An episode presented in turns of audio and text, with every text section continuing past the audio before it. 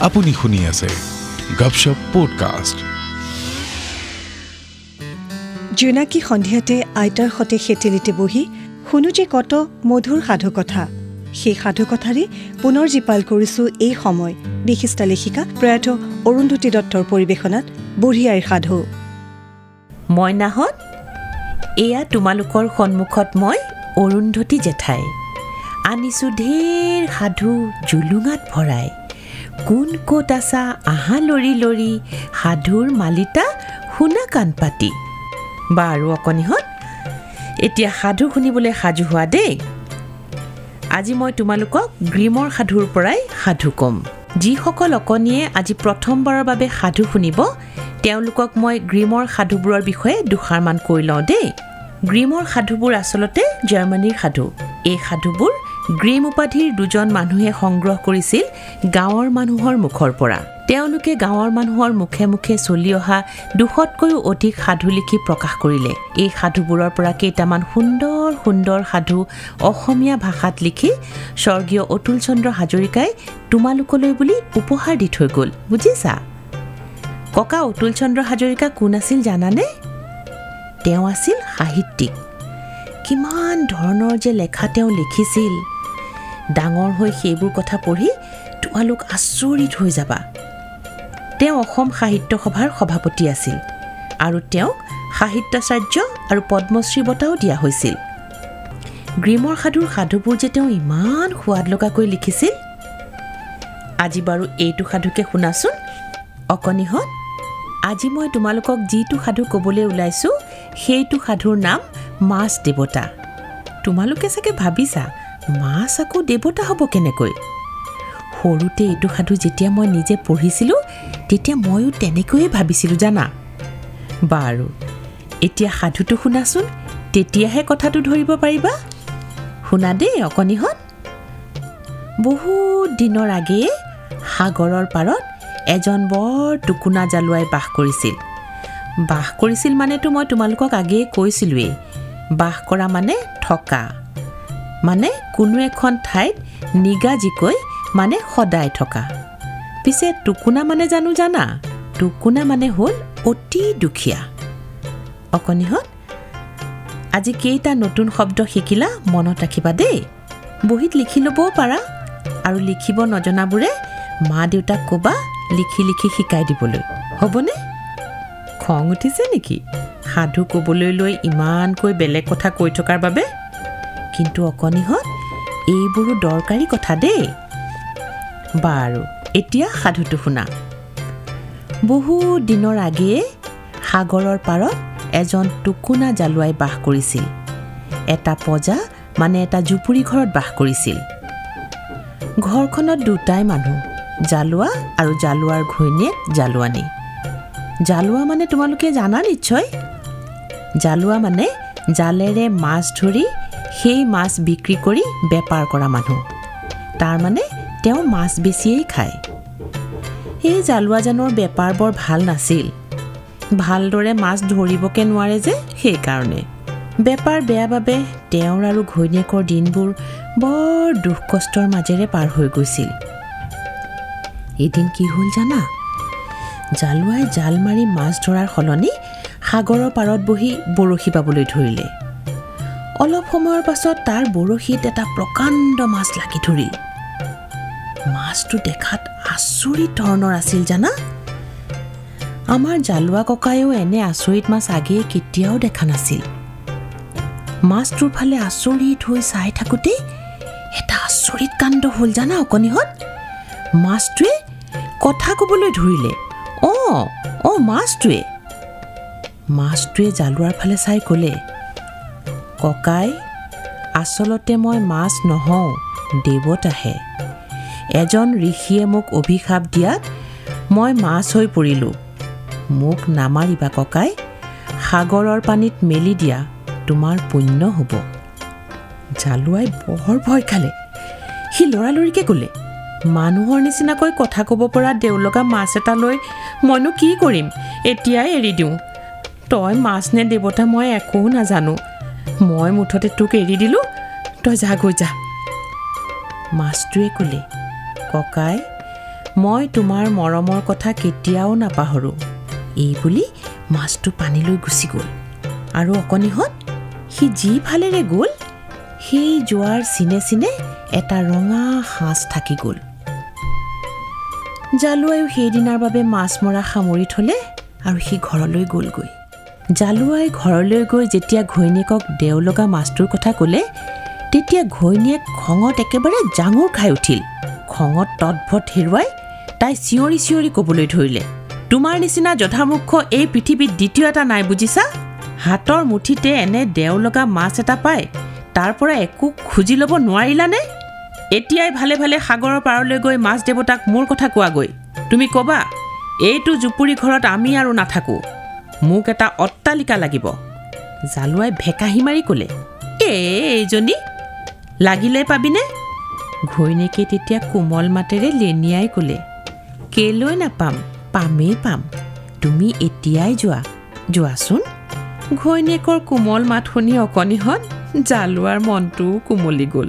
সিও ঘৈণীয়েকৰ ফালে চাই মৰমেৰে ক'লে বাৰু যাবলৈ কৈছ যেতিয়া এবাৰ মাছ দেৱতাৰ ওচৰলৈ যাওঁৱেই ৰহ।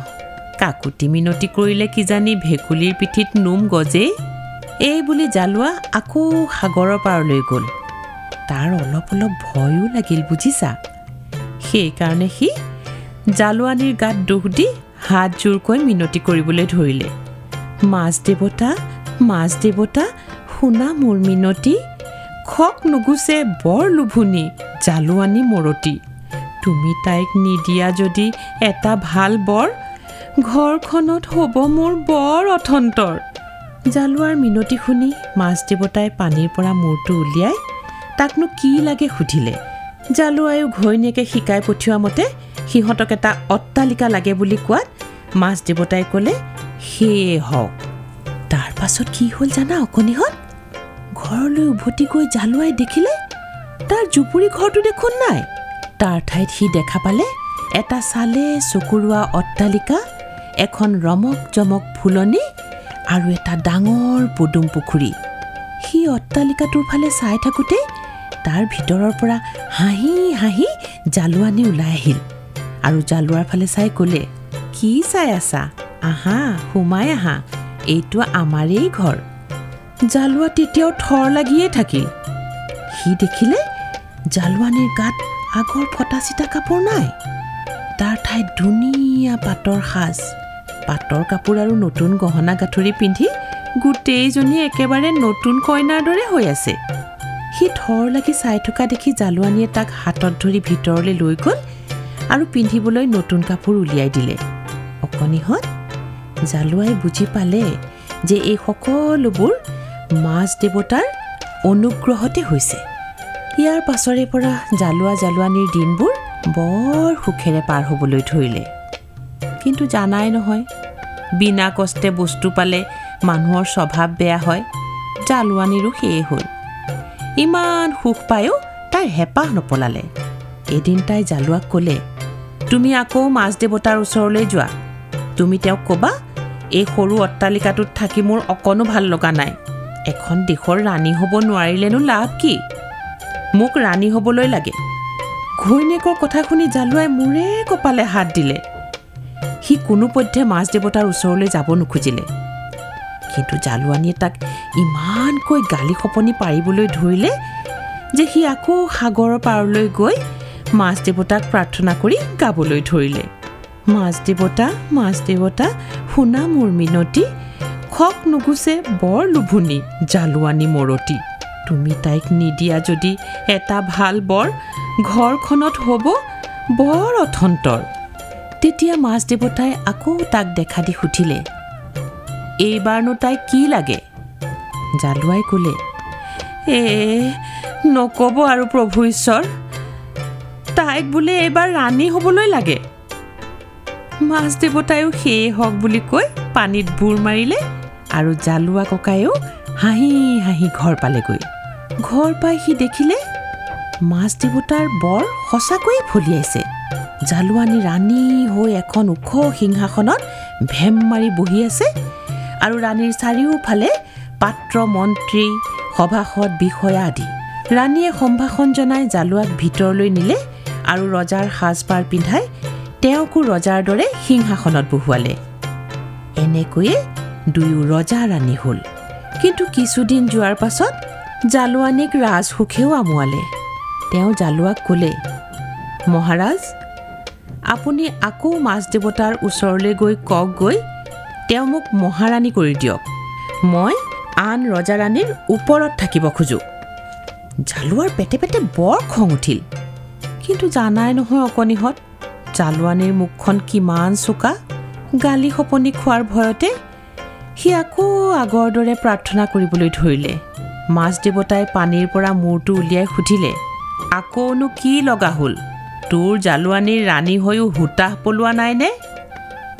অকণিহঁত হোতাহ মানে হ'ল অতিপাত হেঁপাহ যাক আক্ৰোশ বুলিও কয়। কোনো কথাৰে অতিমাত্ৰা ভাল নহয় জানা নহয়? বাৰু শুনাহক দেই। মাছ দেৱতাই এইবাৰো সেয়ে হওক বুলি কোৱাত জালুৱাই ঘৰলৈ আহি দেখিলে এইবাৰ জালুৱানী এখন বহুত ওখ সিংহাসনত বহি আছে আৰু তেওঁৰ চাৰিওফালে আৰু বহুত ৰজা ৰাণী মূৰ দুৱাই বহি আছে। এনেকৈও বহুদিন গ'ল। এইবাৰ জালুৱানীৰ লোভ আৰু বাঢ়িল। তাই এইবাৰ গোটেই বিশ্বব্ৰহ্মাণ্ডৰ ৰাজৰাণী হ'বলৈ মন মেলি জালুৱাক আকৌ মাছ দেৱতাৰ ওচৰলৈ পঠিয়ালে। অকণিহঁত দেখিছা জালুৱানীৰ লোভ জালুৱানীৰ সূতা মাত মানে কঠুৱা মাত শুনাৰ ভয়ত জালুৱা এইবাৰ আকৌ সাগৰৰ পাৰ পালেগৈ। সি এইবাৰ কান্দি কান্দি প্ৰাৰ্থনা কৰিবলৈ ধৰিলে। মাছ দেৱতা মাছ দেৱতা শুনা মোৰ মিনতি খক নুগুচে বৰ লোভনী জালুৱানী মৰতি। তুমি তাইক নিদিয়া যদি এটা ভাল বৰ ঘৰখনত হ'ব মোৰ বৰ অথন্তৰ। মাছটোৱে পুনৰ দেখা দি সুধিলে তোৰ জালুৱানীয়ে মহাৰাণী হৈও তৃপ্তি পোৱা নাইনে? তাইক আকৌ কি লগা হ'ল? সোনকালে ক। তাৰ খং দেখি বৰ ভয় খালে। ভয়ে ভয়ে সি ক'লে এই অধমৰ দায় দুখ নধৰিব। মানুহে কথাতেই কয় নহয় চলপোৱাক কুকুৰে ডিঙিলৈকে জঁপিয়াই আমাৰ এইজনীৰো তেনেকুৱাই হৈছে। এইবাৰ হেনো তাইক বিশ্বজগতৰ পটেশ্বৰী পাতিলেহে তাইৰ গা জোৰ পৰিব। এইবাৰ হেনো জোন আৰু বেলি তাইৰ লগোৱা হ'ব লাগিব। আৰু তৰাবোৰ তাইৰ আল ধৰা লিগিৰি হ'ব লাগিব। কথা শুনি মাছ দেৱতাৰ বৰ খং উঠিল। খঙতে তেওঁৰ চকুৰে ভমক ভমককৈ জুই ওলাবলৈ ধৰিলে। বেছি কথা নকৈ মাথোন ক'লে? দিওঁ মানে নুগুচিলে খক আগৰ দৰে সকলোটি হওক ইয়াকে কৈ তেওঁ পানীত বুৰ মাৰিলে আৰু দুনাই জালুৱাক দেখা নিদিলে। অখনিহঁত এইবাৰ কি হ'ল শুনাচোন? দুখে বেজাৰে সি ঘৰলৈ উলটি আহি দেখে যে ৰাজসভাও নাই পাত্ৰ মন্ত্ৰী বিষয়া লগোৱা লিকচৌ নাই আছে আগৰ দৰে টুকুৰা পজাত ফটা চিটা কাপোৰ পিন্ধা জালুৱানী। দেখিলা? জালুৱানীয়ে লোভ কৰাৰ ফল কেনেদৰে হাতে হাতে পালে? আপুনি শুনি আছে গপশপ পডকাষ্ট। এনেদৰেই শুনিবলৈ পাব গাপশপ পডকাষ্টত ভিন্ন ৰুচিৰ সমাহাৰৰ ভিন্ন অনুষ্ঠান।